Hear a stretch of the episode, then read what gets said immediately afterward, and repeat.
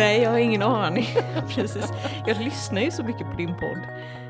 Och nu sitter du och här nu själv. sitter jag här. Det är ju Det är jättekonstigt. jättekul, Ja, tycker jag. det är Jätte, det. jätteroligt att du sa ja.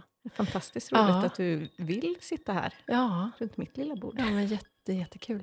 För idag dricker vi nämligen vårt elvakaffe på Dalbogården utanför Alingsås. Tillsammans med Maria, hur säger man ditt efternamn? Åskott. Oskott. Var kommer det ifrån? Och det, det är eh, ett resultat av en omröstning i familjen vad det ska heta. Är det sant? Ja. Jaha! Är det Det- någon sammansättning då? Ja, eh, när jag och min man eh, skulle gifta oss, och vi, vi har en bonusfamilj, så vi är många olika konstellationer av eh, barn och föräldrar som Ja. liksom ska bilda en egen liten familj. Eh, och när vi skulle gifta oss funderade vi på, ska vi ta ett gemensamt namn eller inte? Eller hur ska vi, hur ska vi göra? Så då involverade vi hela familjen i att välja namn. Eh, min man hette Oskarsson tidigare och mitt flicknamn är Ottosson. Oskarsson, Ottosson, Oskott. Jaha, vad kul! Även om något barn tyckte Drakvinge var ett bättre namn så kände vi att nej, det fick det inte. Vad hade ni fler för förslag?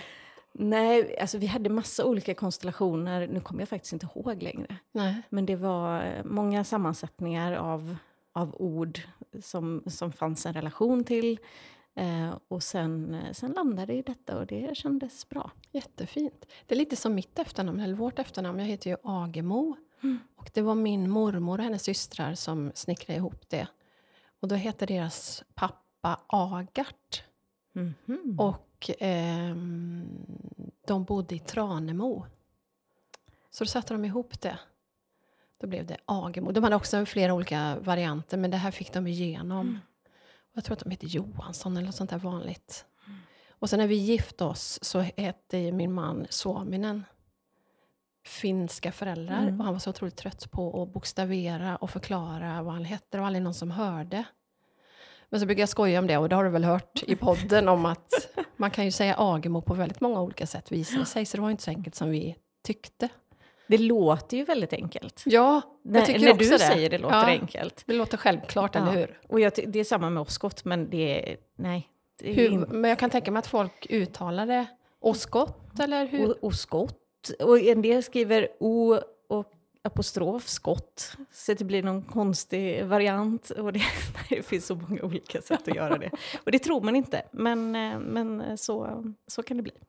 Men du, när du redan var inne på det så, så tar vi det redan nu. För du skrev till mig om eran, eh, att ni har lyckats få ihop en helt underbar bonusfamilj. Ja, Med många pojkar. Berätta. väldigt många pojkar. Sex stycken pojkar har vi. I vilka åldrar då? mellan 5 och 23. Mm. Så där har vi en, eh, ett litet spann. Wow. Och det är så mysigt. Det, jag har alltid velat ha en stor familj och många barn. Nu är ju fyra av dem är mina biologiska Ja, eh, och två bonus. Men tillsammans blir det helt fantastiskt mysigt. Nu har två flyttat hemifrån så det är bara fyra kvar. Men eh, vi, eller kvar, alla är ju kvar. Alla kvar, men, men inte Men- dagligen. Nej, Nej. precis. Men det är, ehm, ja, det är härligt att ha så många, så många pojkar. Kan du se vad som har varit nyckeln till att ni har fått ihop två familjer så? För du pratar om det så positivt. Åh, vilken bra fråga. Eller hur? Jag vet faktiskt inte. Nej. Men vi har, vi har från början försökt väva in den här familjekonstellationen. Nu har det varit... Eh, vi har varit gifta i sex år. Så det, har, det är liksom... Det går sakta men säkert får man ju bygga ihop en sån familj. Ja. Det, ja, det blir ju lite konstigt när det, kanske kommer från olika håll och det är lite olika skäl till att, att det blir sådana konstellationer. Men ehm, vi har alltid involverat barnen i, i allting. Det kan det- säkert vara en nyckel. Det tror jag är bra. Ja. Så de, vi alla känner oss som en del av en stor familj. Och jag vet en gång som var en sån alldeles särskilt ögonblick när eh, min äldsta bonusson, då, han som är 23, när han kom hem vid något tillfälle och så skojade han med Edvard, ett av mina barn, att han inte kände igen honom. Och de, de höll på att busa och sådär. Och, och sen så, men Edvard var så frustrerad över, men vet du inte vem jag är? och sen sa Elliot så bara, jo men du är ju min brorsa ju. Åh. Och då kände jag, jag blev alldeles varm i hjärtat för att då, det kändes som en sån, ja, Ja. även han känner att vi är en familj. Ja. Och det, det var, tyckte jag var ett sånt speciellt ögonblick. Ja, jättefint. Vad roligt. Och så sitter vi på Dalbogården och jag läste ju att den grundades av Lars Dalbo på 1600-talet tror jag det stod. Ja, slutet av 1600-talet. Ja. Och sen har den varit i er, i massa olika ägo, men i er familj sedan 1945, stämmer det? Precis, min farfar köpte den här gården 45. Ah, berätta nu, jag vill veta allt. Ja, han, han köpte den här gården tillsammans med min farmor när de gifte sig. Och så flyttade de hit. Min pappa säger att det var precis innan de gifte sig, men jag tror att det var efter. Jag, jag vet inte riktigt. Vi, någonstans i kring när Ja. de gifte sig i alla fall flyttade de hit. Eh, och ehm, vet inte riktigt hur det kommer sig att det blev just den här gården. Men det bor lite släktingar runt omkring och sådär. Min farmor är från närområdet medan min farfar kom från Halland. Mhm. Så vi har släkten utspridd i Halland och här. Eh, Men de hittade den här gården i alla fall och den var ganska svårbrukad tror man, den här gården. För att den har bytt ägare så många gånger. Jaha. Och min pappa har forskat i det här, hur många som har ägt den här gården. Och du har ju sett listan. Ja men precis. Ja. Och det är, jag tror all, det är aldrig någon som har ägt den i tre generationer förut. Så det är vi den första familjen som är tre Mhm. generationer på gården. Och förhoppningsvis kanske fler. Ja. Eller tänker jag att något av mina barn kanske någon gång vill ta över. ja. Men eh, många har ägt den i kanske bara två, tre år. Och det vet vi ju inte riktigt varför. Förmodligen att den är svårbrukad. Men eh, det finns de som hävdar att det spökar på gården. Och att det är det som är skälet. Men okej. Jag vet inte, jag har inte träffat några spöken. Men din farmor och farfar, drev de jordbruk Mm. här? Det gjorde de. Min farmor hade hand om hönorna och trädgården och hushållet och farfar hade ja, kor och grisar och framförallt hade han hästar. Han älskade hästar. Födde upp eh, eh, hästar, dressyrhästar. Jaha. Det måste ändå varit lite ovanligt på den tiden. Ja. Eller? Ja, jag vet Just inte riktigt. Men jag tror att från början så var det arbetshästar. Och sen blev det, när jag var barn, så var det dressyrhästar. Ah. Och de, ja, jättefina hästar. Och ni har ju precis som vi ett generationsboende, så Mm. dina föräldrar bor ju på gården. Mm. Är det fler? Och, och min bror. Och din bror? som nyss, eller ganska nyss har flyttat hit. Eh, eller tillbaks hit ska man väl säga. Men din pappa då, har han varit kvar hela livet på gården? Eller han gjort... Ja, nej, han har varit här hela livet. Wow! Han har varit och, och pluggat eh, på andra platser och sådär. Ja. Lärt sig lantbruksyrket. Men han har varit kvar. Och hur länge har du bott här då? Jag är född på gården. Eh, sen flyttade jag, eh, när jag skulle börja plugga, flyttade jag hemifrån. Och nu har jag varit tillbaks i 12 år ungefär. För idag driver ni ju restaurang och café och, Mm. och jag ska ju få den stora äran och smyginviga ett utav era rum Ja, tänk du på ert först. boutiquehotell. Ja, först. Först! Jag är jättenervös. Jag med! Nej, jag är inte alls nervös. Jag är jättepirrig för vi har ju gått runt och tittat och det är så otroligt fint. Ja, men tack. Så, så fint. Men hur kommer det sig med den här verksamheten? Och det är också en jättebra fråga. Det, det är väl lite så att varje generation får sätta sin prägel Ja. på gården. Jag vet inte hur det är hos er, men det, man har ju olika intressen och olika, eh, olika inriktningar på vad man vill göra. Min mamma startade faktiskt ett café här på gården eh, i slutet på 90-talet. Ja. i den gamla ladugården, det gamla stallet. Och tyckte att ja, men det här är någonting som man kan göra. Det gjorde hon tillsammans med en väninna. Så drev de det i några år. Eh, jättemysigt och jättetrevligt. Men de vågade inte riktigt släppa taget om sina, e- sina vanliga jobb. Aha, just det. Och så blev det inte riktigt hållbart. Och då slutade de med det. Eh, och sen blev det mest förråd i den byggnaden. Och sen när jag och min man skulle gifta oss så sa vi att men det där är en ganska bra lokal att ha fest i. Ja. Och så inredde vi den och tänkte att det kanske är någon annan som kan tycka att det är trevligt att hyra den.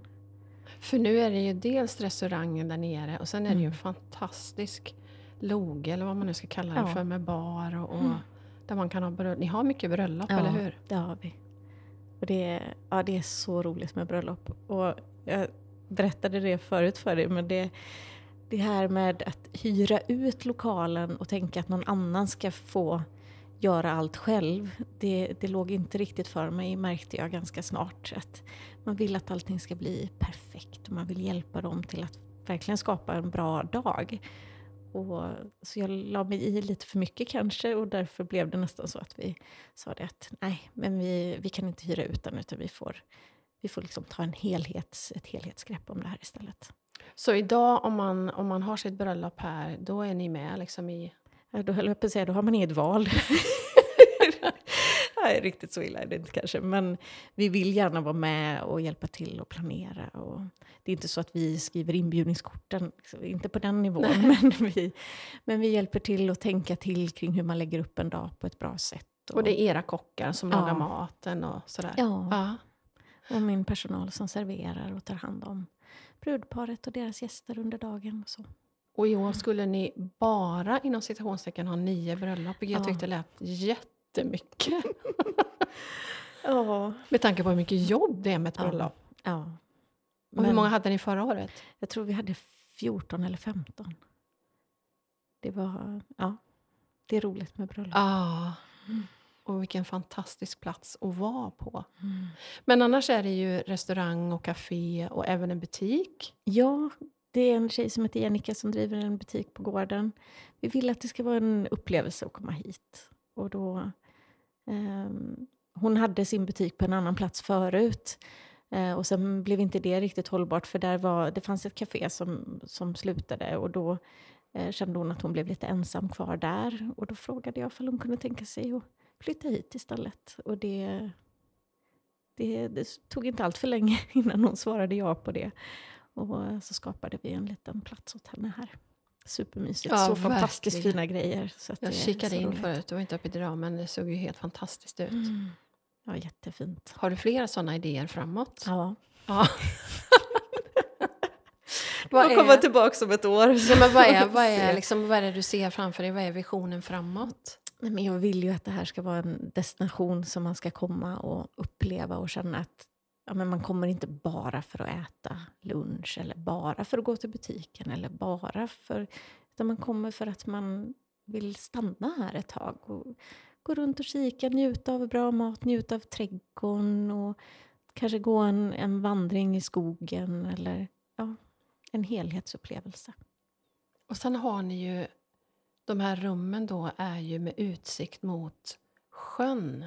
Som du berättat, ja men den har vi anlagt. Mm. Som man ju gör. Ja, som man ju gör när man inte har något bättre för sig eh, eller när man inte har något vatten. Eh, vatten, det är något särskilt med vatten. Det är verkligen något särskilt med vatten. Och det brukar jag säga hemma, för vi har ju, som jag berättade för dig innan, eh, vi har ju haft hästverksamhet, så vi har ju stora liksom, fält med gamla hagar. Mm. Och jag har ofta sagt, tänk om det hade legat en sjö Mm. här istället. Nu ska jag hem och se till att det blir det. Ja, det är bara att göra. ja. Det är... Eh, eh, jag ska inte säga att det var lätt. Det var det kanske inte. Men vi hade, det blev ändå vattenansamlingar där nere på... Det är som en liten håla. Eh, och det rinner bäckar från skogen, så det blev alltid blött där. Och åken var utdränerad sedan tidigare för att göra effektivt lantbruk. Och det var ju rätt på 50-talet att skapa en effektivitet i det. Nu när vi inte driver lantbruk på samma sätt längre hade vi inte riktigt det behovet. Och dessutom så är det ju faktiskt brist på våtmarker. ja. Och det gör att eh, det finns stor stöttning från, från Länsstyrelsen och så vidare att faktiskt anlägga eller återställa våtmarker. Så då kan man gräva lite så får man sig en sjö. Ja, för det måste vara jättebra i dessa tider när det är så mycket torka. Och, Ja. Ja, Och ska- där är ju alltid vatten nu. Det är många som tänker att den torkar ut på sommaren eller så. Men det är ett ständigt tillflöde av vatten. Och den, det är så mycket värt. Och nu har vi ett svanpar som har flyttat in. Och knipor och gräsänder och backsvalor. Det finns allt möjligt där nere. Det är Ah. så roligt. Fantastiskt. Trollsländer på, på sommaren. Ah, wow. Så det, det blir lite ett projekt nu att följa vad som händer runt den där sjön. Ja. Den här biologiska mångfalden som ja, det är fantastiskt att följa. Så det är roligt. Är Verkligen. Men du, man kan ju tro med allt som pågår här att det här är det du gör på heltid. Men du har ju också ett, ett vanligt jobb inom Ja. situationstecken. Det har jag. Vad gör du när du inte är på Dalbogården? Då jobbar jag eh, som chef nere i Göteborg på ett företag eh, som heter Lindholmen Science Park. Och vi jobbar med, med hållbara transporter, med mobilitet för människor och gods. Ställa om Sveriges eh, godstransportsystem till hållbarhet till exempel. Så att man, ehm, ja, men hållbarhetsfrågor och miljöfrågor är viktiga för mig både här och där. Vad Det- bra. Ja. Men tänker du att du ska fortsätta med de här två olika världarna? Eller vad är liksom... Ja, det är ju lite så här att det är ju väldigt roligt, både och. Och det är klart att man kan inte balansera det här i hela livet Nej. säkert. Så vi får väl se vad framtiden eh, säger. Just nu så, så har jag svårt att släppa något av det, för att det är så fantastiskt roligt. Eh, så ja, Men du har personal som driver, du har Ja. kockar jag anställda. har kockar och jag har jätteduktig serveringspersonal och eh, så många bra människor som jobbar här runt omkring mig. Så jag känner mig alltid trygg när jag åker härifrån. Mm. Och så mamma och pappa. Ja, mamma Ja. och pappa, jösses vad de jobbar. Ja. De är fantastiska. Tänk om man inte hade sina föräldrar nära. Och Nej, du- vilken ynnest att, få ha den närheten. Och för Ja. dem också. Jag ser det på mina svärföräldrar. Att, som jag sa till dig innan, jag tror att man förlänger livet avsevärt när man, när man får känna att man be, är behövd Mm. och, och liksom får fortsätta jobba så mycket man vill. De har ju ingen, inget ekonomiskt ansvar eller någon, någon press, men, men att få vara med och bidra tror jag är jätteviktigt. Ja, och det här med när man bor så nära varandra så är det ju alltid en balansgång. Mm. Och liksom känna efter lite vad, hur mycket ska man umgås Ja, eller inte precis. umgås. Ja. Vad, hur ofta ska man äta middag ihop eller fika ihop och sådär. Mm. Och det får man ju ibland. Så kanske man behöver krypa in i, för sig själv och ha sin, sin egen tillvaro. Men att barnen kan gå över och fråga mormor om någonting. Eller, ja, det är alltid, alltid mysigt. Ja. Och när jag kom här så höll din pappa och brorsa på med något projekt här. Något, Ja, bygga lite, bygga lite tak. bygga lite regnskydd. och mamma var ute i köket. Ja. Ja. Ja, hon står och bakar hela tiden. Ja, det är fantastiskt att ha dem. Jag är så tacksam över att, det, att de vill och att det fungerar så bra. Ja. Så det, det är så härligt. Och det, barnen, de, de små, tycker ju att det är jätteroligt. ja.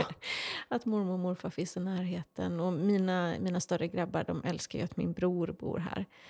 Och de cyklar med honom och de eh, vill gärna störa honom. ja. det tror jag det. Det tror jag det. Nej, men Ja. det är ju så mycket... Det är så mycket att, att vinna på att leva lite närmare varandra. Mm. Men ni har också lite sådana bak, bakprojekt med, med, mellan barnbarn och... Far, är det farmor? Ja, det är, för honom är det ju Gammelfarmor. gammelfarmor. Ja, han ja. kallar dem för farmor och farfar. Ja, Men det är ju egentligen gammelfarmor och gammelfarfar. just det. Så blir det ju. Ja. Men han får också gå och baka. ja, men det är så mysigt. Alltså jag njuter av att se de där tre tillsammans. Ja. Liksom vad det gör positivt för båda generationerna. Både den Mm. yngre och den äldre. Ja, det betyder mycket. Ja, Jag vet när Edvard var liten här så hade han mormorfredagar. Så han var med mormor när det inte, innan det blev skolplikt. Så var han på fredagar hos, eh, hos mormor och de bakade sockerkaka och de gjorde utflykter och sådär. Det var Ah. så mysigt. Ja. Ja. Man behöver lite sånt. ja, men man behöver lite sånt. Och som sagt, vi förlänger livet på varandra, är jag Mm. helt övertygad om. Ehm, men vad skulle du säga till den som lyssnar, som kanske när någon sån där dröm? För det här är ju ett fantastiskt projekt. Mm. Alltså, hur, vad är det, dina tips, vad är dina råd? Bara gjort. Bara gjort. Nej, det, ja, det kan man ju inte alltid kanske bara så, men det är så värt att börja leva sina drömmar. Och man får börja nysta i något hörn. Och det handlar ju mycket om att försöka bygga hållbart om man vill att det ska bli långsiktigt. Ja, Att man kanske inte satsar allt på en gång utan bygga lite i något hörn. Vi började ju med festlokalen och sen blev det lite café och sen så Ja, men man kanske skulle ha en kock som kunde laga lite mat. Och så blev det lunchrestaurang och sen blev det ja, men lite mer och lite mer och lite mer. Men ehm, så man behöver... Det där med hållbarhet är ju inte bara miljön. nej, Det precis. ska vara både socialt och ekonomiskt hållbart också. Exakt. Ja. Och det är klart, stora investeringar det är ju inte någonting som man gör med en gång. Det kräver lite eftertänksamhet. Ja. Men då är du också inne på att man inte bara liksom säger upp sig och släpper allt. Nej, utan men börja nysta lite i något hörn och sen så kommer det sakta men säkert, tänker jag. Mm. Men det är klart, alltså det är ju många som säger upp sig och eh, kastar sig ut i sina drömmar också. Det tror jag är, det önskar jag att jag vågade göra. Jag tror att det krävs ganska mycket Ja, men det är, mod. ja, det är väl lite hur man är väldigt som mycket. person. Ja. Sen älskar jag att jobba. Jag tycker om att jobba. Ehm, och tycker att det är så roligt med så många olika saker. Så för mig är det ganska mycket värt också att ha helt olika verksamheter att jo- jobba med. För att då hittar jag återhämtning här gentemot mitt andra jobb. Ja. Och där återhämtning gentemot detta. Så det, det är också värdefullt. För det var det jag tänkte fråga dig. Vad gör du liksom för att fylla på och när du är ledig? Men du är aldrig ledig, eller? Nej, nu behöver jag nog snart vara det. Eh, Ja, nu har ni kört fall. hårt. Ja, nu, det här har verkligen blivit en slutspurt. Jag tror vi behöver lite semester hela, hela familjen. Mm. Men eh, nu, ehm, annars så är det att ligga i en hängmatta med en god bok. Det är liksom bästa, när det bara är tyst. Det är min bästa återhämtning. Och det behöver inte vara så särskilt lång tid heller. Man kan ta en, ett par timmar, Ja. ligga och läsa lite, slumra lite. Ja, Men det tror jag är en nyckel som du är inne på där. Att, att det behöver ju inte vara några evigheter, men att man är noga med att man väver in det. Mm. Det, det har, märker jag själv nu när jag är ut- ute och åker som jag gör nu på den här lilla turnén och det har jag gjort förut. Just att man väver in ledighet, att man inte har liksom fullt Mm. program jämt utan att man faktiskt har några timmar här och där. För som du säger, det behövs ju inte så mycket egentligen för att Nej, och bara där, sitta, sitta i bilen och egen, egen tid, lyssna på en, en bra podd. Eller Ja, men verkligen. någonting sånt. Ja. Min, eh, när jag sitter på tåget ner till Göteborg, det är en jättebra återhämtningstid. Antingen slumra lite eller lyssna på någonting. Så ha sin egen lilla stund. Jag hade ju några sådana timmar idag. Jag har ju varit, kommit från Ulricehamn där jag har Mm. spelat in podd idag på morgonen. Och så hade jag några timmar och det hade jag bokat in så att då, då har jag några timmar där jag kan strosa lite i Alingsås och sådär. Mm. Och där hade jag tänkt att jag skulle käka lunch på eh, Nolbygården. Ja, Och kommer dit och det var ju inte öppet idag. nej det är måndag idag. Jag var helt inställd. För jag, Mm. jag gick in på deras Instagram och så såg jag att men de har öppet tisdag till vad det nu var. Och så tänkte jag, ja men vad bra, det är ju tisdag idag. Så åker jag dit och inser inte förrän jag är där, det är inte tisdag idag, det är måndag. Ja, men då tänkte jag att då går jag till min kusin som driver café i Alingsås. Ekstedts. Åh, Mm. vad trevligt. Ja, Anna-Sara. jättetrevligt café. Precis, men då har de också stängt på måndagar. Det är så. Det är så. Men, Men jag- inte alla, det finns väl Ja, någonting? fanns. Ja. Så jag hittade en jättegod lunch. Men, och sen efteråt då så hade jag fortfarande tid. Så då, och jag hade parkerat utanför eh, Nolhagaskolan. ja. Eh, för det var en stor gratisparkering där. Mm. Och tänkte att ja, men då kan jag promenera en stund. Så när jag kom tillbaka då till bilen så eh, öppnade jag eh, passagerardörren. Och höll på och greja med lite grejer. Så tänkte jag klockan är så lite, jag tar en promenad. Och så kom jag på när jag hade gått runt där typ en halvtimme i, det är ju någon sla- slags naturreservat, jättevackert. Ja, Nolhagaparken. där, Precis. Jättefint. Ja. Då kom jag på att stängde jag dörren till bilen? Och kommer tillbaka och nej, det hade jag ju inte. Så den har stått på vid gavel. Och där hade jag min dator, Mm. min systemkamera, hela bilen full med Podd, böcker och ja. kaffe och poddutrustning. Så jag bara... Ja. Mm. Tack Men, Alingsås för att ni inte snodde mina... Det var precis utanför, jag tror att det är en gymnasieskola. Ja, en högstadieskola. Högstadieskola. Ja. Ja. Ja, jag blev väldigt glad när jag kom tillbaka Ja, och såg att jag. allt var kvar. Uh, usch. Ja, det blev ingen avslappnad avslutning på den promenaden då. Ofta så har man ju stängt, tänker jag. När man får en sån känsla Ja. så har man ju nästan alltid gjort det man tror att man inte har gjort. Precis. Men, Men jag har ju- vilken mardröm. Ja, jag har ju en app i mobilen, för jag har ju Mm. Tesla. Så jag såg när jag öppnade appen, då stod det ju att eh, dörr, den dörren var öppen. Så jag såg ju och försökte stänga den, men det Ja. går ju inte på så långt håll. Ja, det hade ju så varit tänkte, fint nu kommer jag dit och är hela bilen tömd. Men det var det inte, tack och lov. Ja, tack. Men då kom jag hit och då berättar du att i fredags så var det inte en möbel här. Nej. För då hade ni slutbesiktning. ja. Och då får man inte ha några möbler innan. Så eh, vi har jobbat. Jobbat. Kära. Och sen hade du en, en eh, var det frukost du hade i, sö- i söndags? Ja, brunch. Brunch. Mm. Mm. Så ni eh, liksom eh, möblerade det här på Ja, natten eller? Ja, nästan. ja, vi jobbade nog fram till två på nätterna i alla fall. Och kämpade här. Men Ja. alla, alla hjälpte till. Många, jag har haft många, många hjälpande händer här. Det är så härligt. Men, Jag eh, tänker att jag ska smyga mycket. runt med min kamera här sen, kanske imorgon förmiddag när det är lite bättre ljus. Men berätta lite om rummen, de är så vackra. Ja, det är ju bara tre stycken, Ja. men vi har ju lagt ner själ och hjärta i de här. Verkligen. Eh, och jag, det är en, en tjej som heter Kim som har hjälpt mig fantastiskt mycket med färgsättning och idéer med tapeter. Och vi har suttit och spånat så mycket kring vad, eh, hur ska vi göra det här på bästa sätt och vad passar in här.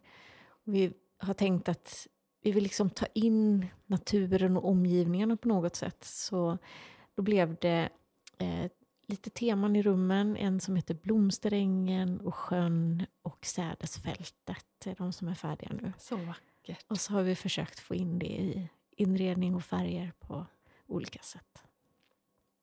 Men helt, helt fantastiskt härligt att komma in i de här rummen nu och se hur, hur det blev. För det är ju en sak att sitta med tapetprover och färgkartor och vi åkte till Skroten i Kinna, en sån tyg, Ja, tygaffär. finns det kvar fortfarande? Ja, åh, det är ett sånt fantastiskt ställe att gå in på. Och eh, det finns ju en bilskrot där bredvid. Ja, men precis. det, det står en skylt för bil. Jag vet inte om det står metallskrot eller så, så ska man ta en annan, annan väg. Är det det som är namnet från början? För där hängde jag ju jättemycket med Ja. mamma när jag var liten, eller när jag växte Jag vet faktiskt, men jag antar att det kommer från Ja, bilskroten. det jag vet inte varför det har Nej. startat en tyg. Men det är ju tygmäckat. Ja, där, eller tygriket. Eh, Men där tog vi, vi tog med oss färgprover och tapeter och allt möjligt och så gick vi där i flera timmar och hittade, letade tyger och hittade saker som nej, det här, det här ser verkligen inte bra ut. Men så kommer man och så faller det ändå på plats på något sätt att jo, det här jättefula tyget kan faktiskt bli jättefint. Och det är ja, jätteroligt att gå runt och känna efter. ja. Är du nöjd då? Ja, nu känns det bra. Och det... Ja, det alltså, I fredags, eh, natten där mellan fredag och lördag och i lördags eftermiddag så gick jag runt och jag blev nästan gråtfärdig när jag går in i rummet för att det är sån... Ja, men känns Ja. så mycket tanke och så mycket, ja, mycket känslor i de där rummen helt enkelt. Men sälj in nu då. Varför ska man komma till Dalbogården? Åh, för att man vill eh, njuta av livet en stund och bara vara. Det som jag inte hinner göra nu, det. Det det vill du jag- servera andra. det vill jag att andra ska få. Att man ska komma ut på landet, njuta av någonting fantastiskt.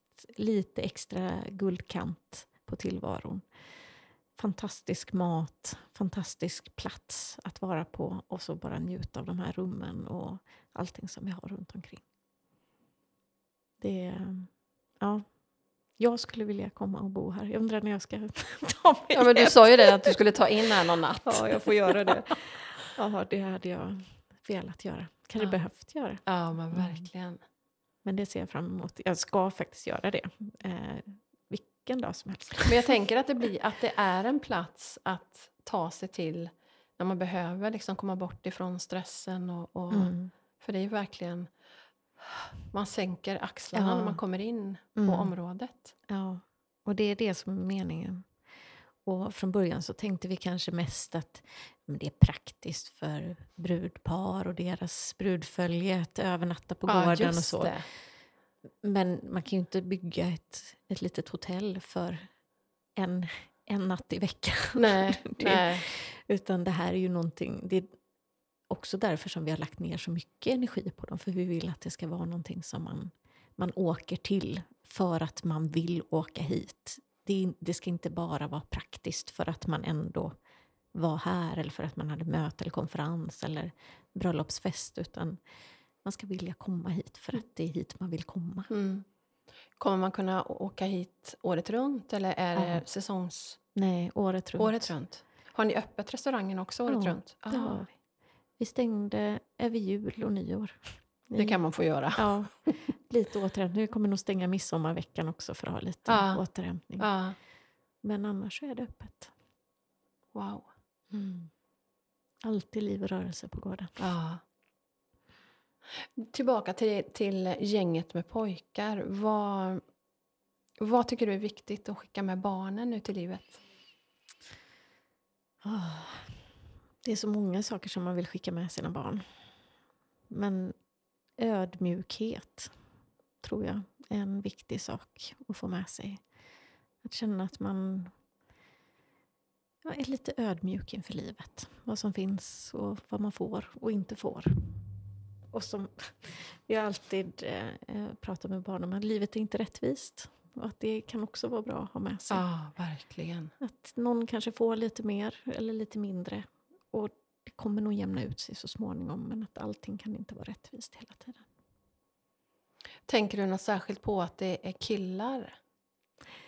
Jag tänker att jag kanske borde tänka att det är något särskilt. Men jag försöker nog skicka med dem...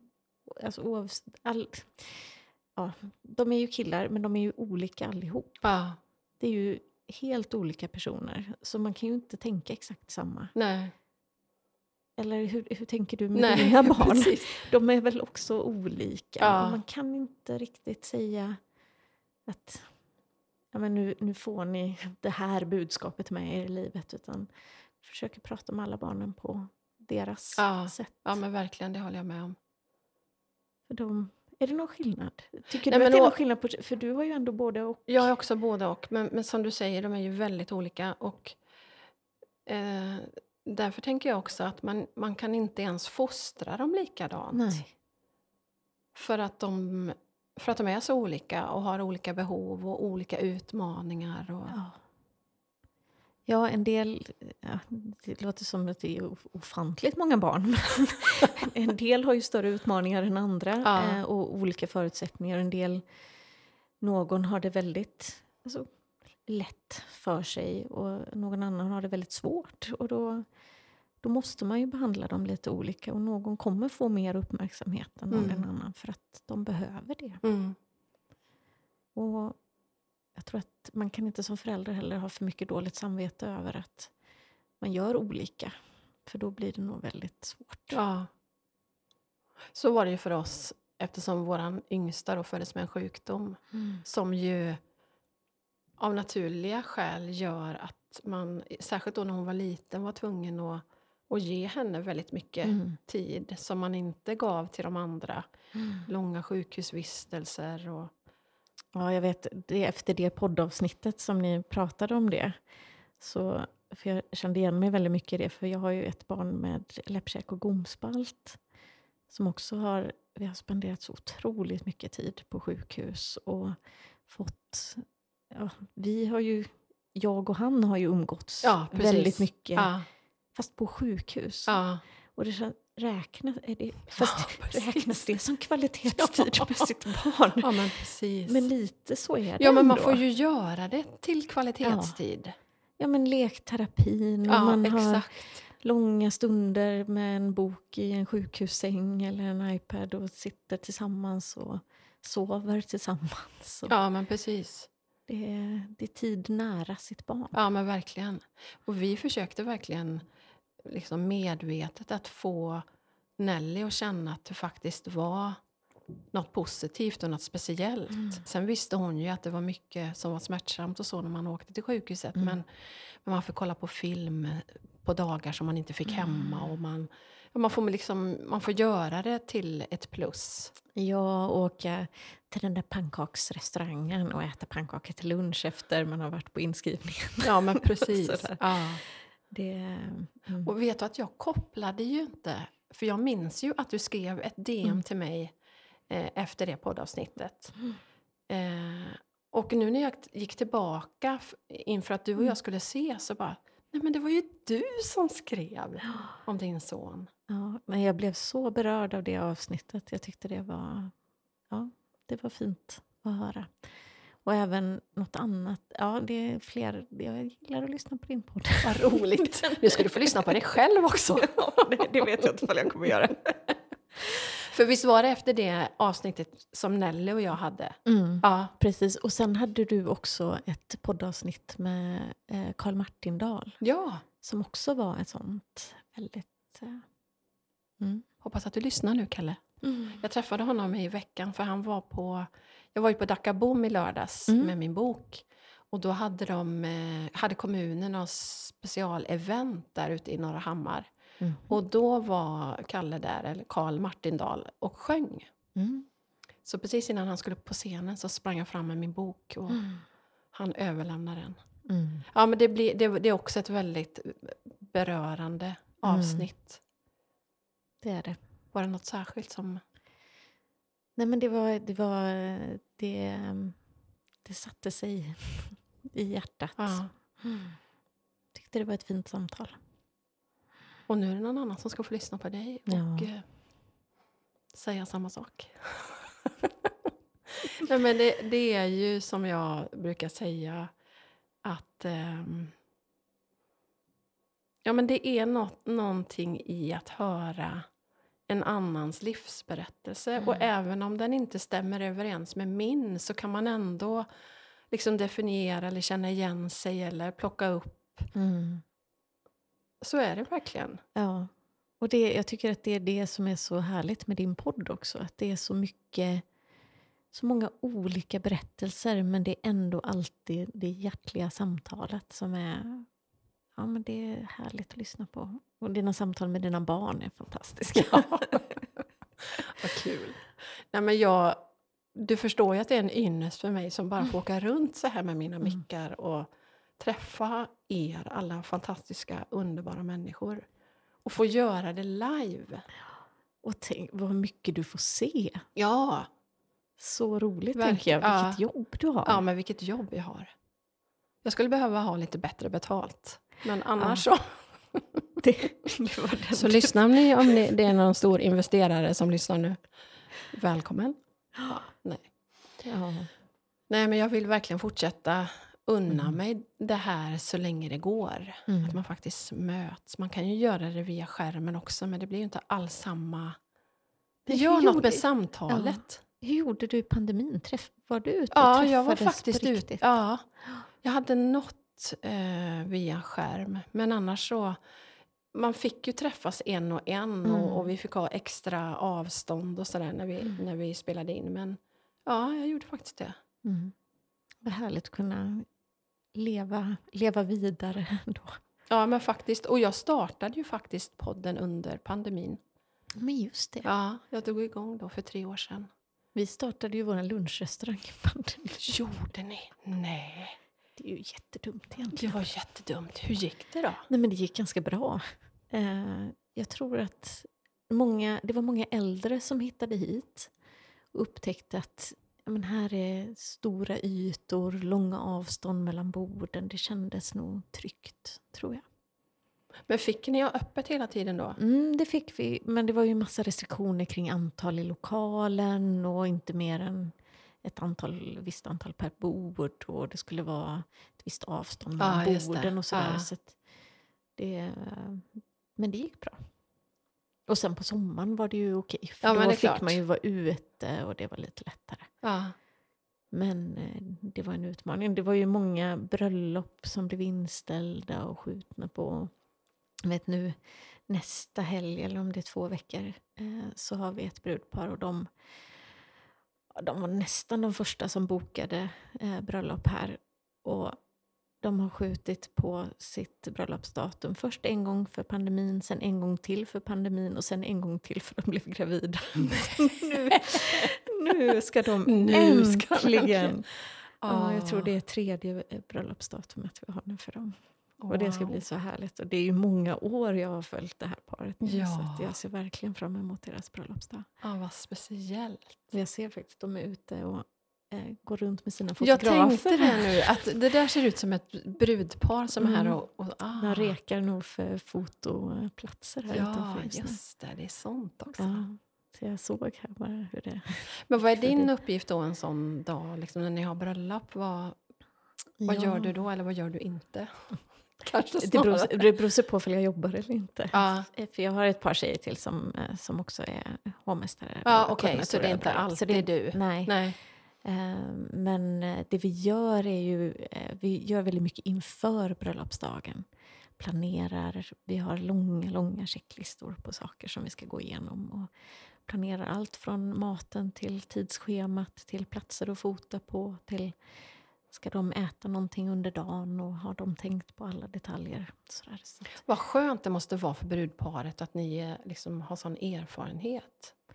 ja, jag tror det. Ja, Jag tror, de brukar säga det, att det är väldigt tryggt att ha, att ha oss med. Och vi är ganska flexibla också. Det är inte så att vi säger åt någon att ni måste göra så här. Eller vi, hos oss är det detta som gäller. Utan vi försöker anpassa oss och hitta en, en bra...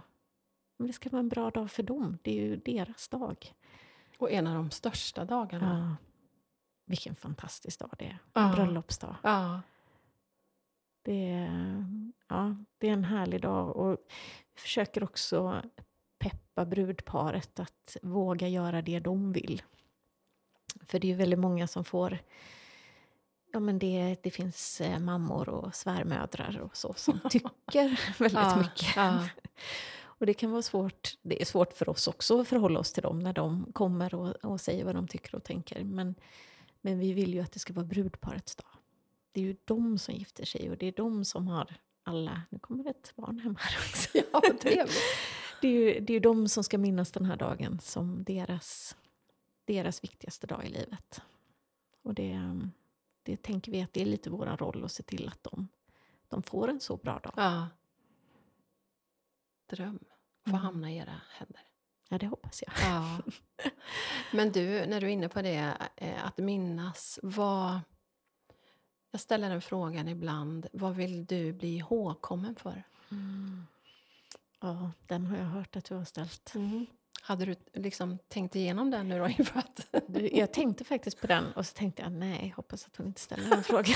Jag vet faktiskt. Nej men alltså viktigast är nog att jag blir ihågkommen av mina barn och kanske barnbarn i framtiden och Mm. så. Som en, som en härlig person som har varit viktig i deras liv. Ehm, Det är det som är viktigast. Sen hoppas jag att den här platsen kan få vara viktig. Men att det är jag som har varit en del av att bygga upp den, inte det som är det viktiga. Utan platsen kan få vara viktig för många personer. Mm. Men jag behöver bara vara viktig för min familj. Åh, fint. Tänker jag ändå. Ja, så sant. Så mycket mer avtryck än så behöver man kanske inte göra. Nej. Sen vill man ju rädda världen och Det vill man ju göra också ja. som en liten parentes. Ja, men precis. Ja. Vill du inte det? Vad är, det? vad är din ambition? Vad vill du bli ihågkommen för? Nej, men det är ju en väldigt stor fråga och den som du är inne på så finns den ju i väldigt... Alltså det är ju olika nivåer på den. Dels vad man vill bli ihågkommen för bland sina nära och kära, de som är närmast. Mm. Men också människor runt omkring en. Och det är ju inget man går och tänker på heller. Vad ska människor minnas om mig? Nej, det är ju inte det. Men eh, ska Men- jag svara på frågan så... Men dels vill jag vara en person som människor känner sig inkluderade av. Ehm. Och på något sätt, det låter ju förmätet men på något sätt så vill man ju liksom lämna, man vill ju lämna spår efter sig. Mm. Såklart. Ehm. Och i mitt fall har det handlat mycket om att, men dels att att vara en röst för den som ingen har. Jag har ju använt min, min plattform mycket via Läkarmissionen. Och, Mm. så någonstans, även om det är stora ord, så vill jag ju att världen ska bli lite bättre. Mm. För att jag fanns här. Att jag... Att, jag menar att jag vill kunna bidra med det jag kan. Och det, det kan ju alla människor göra. Ja. Beroende på vad man har i sin hand och vad man Mm. tycker om att göra. Och, Mm. Och Flummigt svar, va, men Nej, fattar jag, du? jag fattar precis. För det är ju ändå så, man vill ju göra världen till en lite bättre plats. Ja, Och det där med att rädda världen, ja det kanske är för, för stort. Men alla kan bidra med någonting. ja men verkligen. Och ja, en lite, bygga en liten sjö kan vara bra för en. Precis, ett sätt att rädda världen. Ja, verkligen. Och någonting annat kan vara bra för ja, stötta sin omvärld. Din podd tänker jag är jättebra stöttning för många som lyssnar och hittar trygghet och inspiration från det. Vad fint, tack. Faktum är faktiskt att jag, jag ringde till min man och berättade det eh, första stoppet jag gjorde då på Dackaboom. En av de första som kom och köpte boken eh, berättade att, hennes, att podden hade varit livsviktig för henne under hennes cancerbehandling. Mm. Så jag ringde till Mackan och sa att nu kan jag åka hem och känna att jag har gjort det jag ville. Ja, det var så fint. Vad fint att få höra. Och vad Verkligen. mycket värt att någon kommer och berättar det. Exakt. Vi tänker så mycket men Ja. att man faktiskt anstränger sig och åker dit för att berätta. Det var så fint. Det är en sak som jag tänker att jag ska bli bättre på. Någonting, för jag, det är så mycket värt när någon kommer och säger någonting positivt. Verkligen. Att varje gång jag upplever någonting som är riktigt bra, då ska jag berätta det. Ja, Eller när någon har det kan vara, gjort någonting fint eller bidragit med någonting. Då, att berätta det, det är mycket värt. verkligen. Och det kräver så lite egentligen. Det är ju ingen ansträngning. Nej. Och det som är det härliga med det tycker jag är att man blir ju lika glad som den man uppmuntrar. Mm. Lika glad blir man ju själv. Ja. Lite, lite uppmuntran. Ja, Det är värt mycket. ja men verkligen. Det tycker jag blir jättefina slutord på det här lilla elvakaffet. Mm. Säg det du, du ser i människor. Mm. Och inte bara tänka. Det är så lätt att tänka. Ja, och tänk... Det, var- då stannar det inne i Men- huvudet. men precis. s- ja, precis. Säg det. Ja, säg det. Vi skickar det vidare till dig som lyssnar. Mm. Säg, berätta, uppmuntra Mm. och sprid. Hjälper vi, hjälps vi åt att sprida värmen Mm. och Kärleken. Ja, Ja. så fint. Så fint! Nej, men faktiskt, det är mycket värt. Ja, men det är det faktiskt. Nu Maria ska vi fortsätta att umgås så att eh, eh, jag säger det helt enkelt. Tack så jättemycket för att du sa ja till